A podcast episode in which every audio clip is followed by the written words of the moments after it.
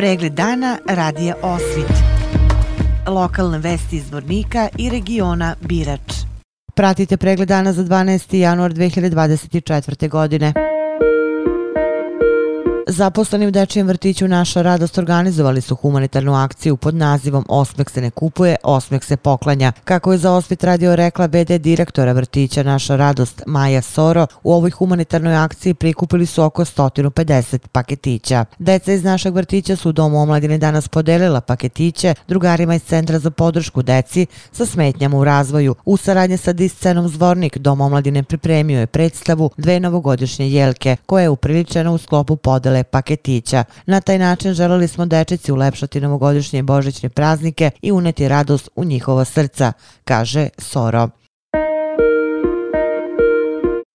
Povodom nastupajuće pravoslavne nove godine crkvena opština Zvornik Stari grad tradicionalno organizuje doček pravoslavne nove godine ispred stare Zvorničke crkve, odnosno ispred hrama rođenja Svetog Jovana, preteče i krstitelja. Kako je zaradio rekao sveštenik Miloš Zekanović, tim povodom prvenstveno uveče sa molitvenim delom u 17 časova biće služeno praznično večernje bogosluženje. Nakon večernjeg bogosluženja biće pročitane blagodarstvene molitve, a oko 18 časova biće izvršeno nalaganje badnje badnjaka na vatru koji je od badnjeg dana bio u crkvi, a nakon toga usledit će narodno veselje uz muziku i kuvano vino. Povodom dočeka pravoslavne nove godine u sabornom hramu u Zvorniku u subotu 13. januara tačno u ponoć biće služen moleban. Kako je rekao proto Jerej Stavrofor i starešina hrama Vidoje Lukić, neće biti muzika uživo, nego samo večernja služba.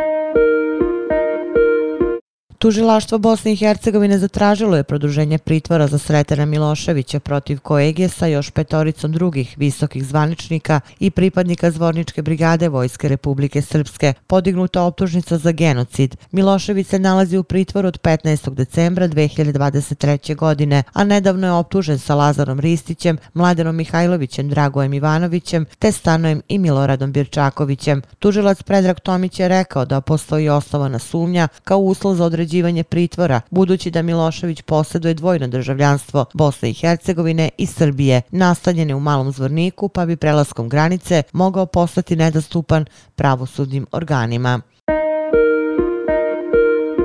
Milomir Milošević, nakon što je pravosnažno oslobođen optužbi za ratni zločin u selu Zaklopača u opštini Milići, potražuje preko 280.000 konvertibilnih maraka na ime naknade materijalne i nematerijalne štete koje je pretrpeo tokom trajanja krivičnog postupka. Da posjetimo sud Bosne i Hercegovine oslobodio Milomira Miloševića, Radomira Pantića, Nenada Vukotića, Branka Jolovića i Nikolu Lošića, optužbi za ubistvo najmanje 57 bošnjaških civila počinjena 16. maja 1900 1992. godine u selu Zaklopača kod Milića.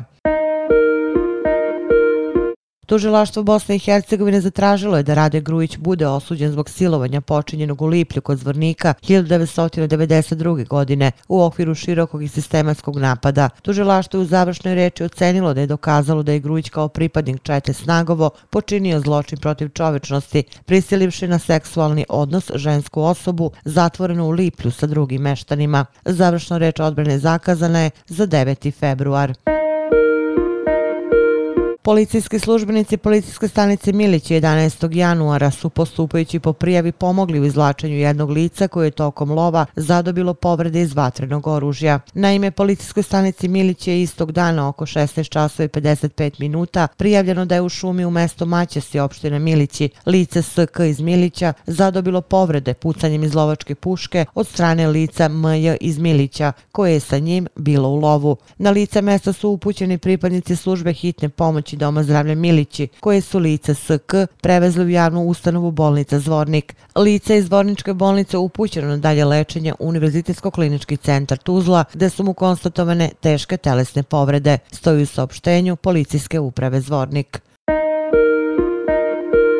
Večeras se u Zvorniku izvanično otvora prostorija još jedne stranke. Republička stranka Srpske otvorit će zvanično 18 časova prostorije kod benzinske pumpe Nešković, ulice Vuka Karadžića broj 148. Predsjednik Republičke stranke Srpske Slaven Koristić, većinski vlasnik Terbe Bratunac i poslanik u Narodnoj skupštini Republike Srpske. Opširnije na sajtu radioosvit.com. U Bratuncu će na praznik Bogojavljenja 19. januara organizaciji crkvene opštine Bratunac, Eko Rafting kluba Rajska plaža i turističke organizacije Bratunac biti organizovano tradicionalno plivanje za časni Bogojavljenski krst. 14. duhovno-kulturna manifestacija biće održana u 12 časova na reci Drini kod Rajske plaže u Krasnopolju. Polazak litije na Rajsku plažu u 11 časova i 30 minuta, a učesnici će plivati za časni Bogojavljenski krst u dužini od 33 metra. Iza rukometaša Loznice odlična jesenja polusezona zauzeli su peto mesto sa 15 bodova, koliko imaju četvrti šamot, ali imaju samo tri manje od prvoplasiranog rudara iz Kostolca. Inače, kao Novajlije u Super B ligi, rukometaši Loznice su u prošloj sezoni igrali odlično i uspeli da se plasiraju u play-off. Opširnije na sajtu lozničkenovosti.com. Pratili ste pregled dana za 12. januar 2024. godine. Hvala na pažnji. Pregled dana radija Osvit. Lokalne vesti iz Vornika i regiona Birač.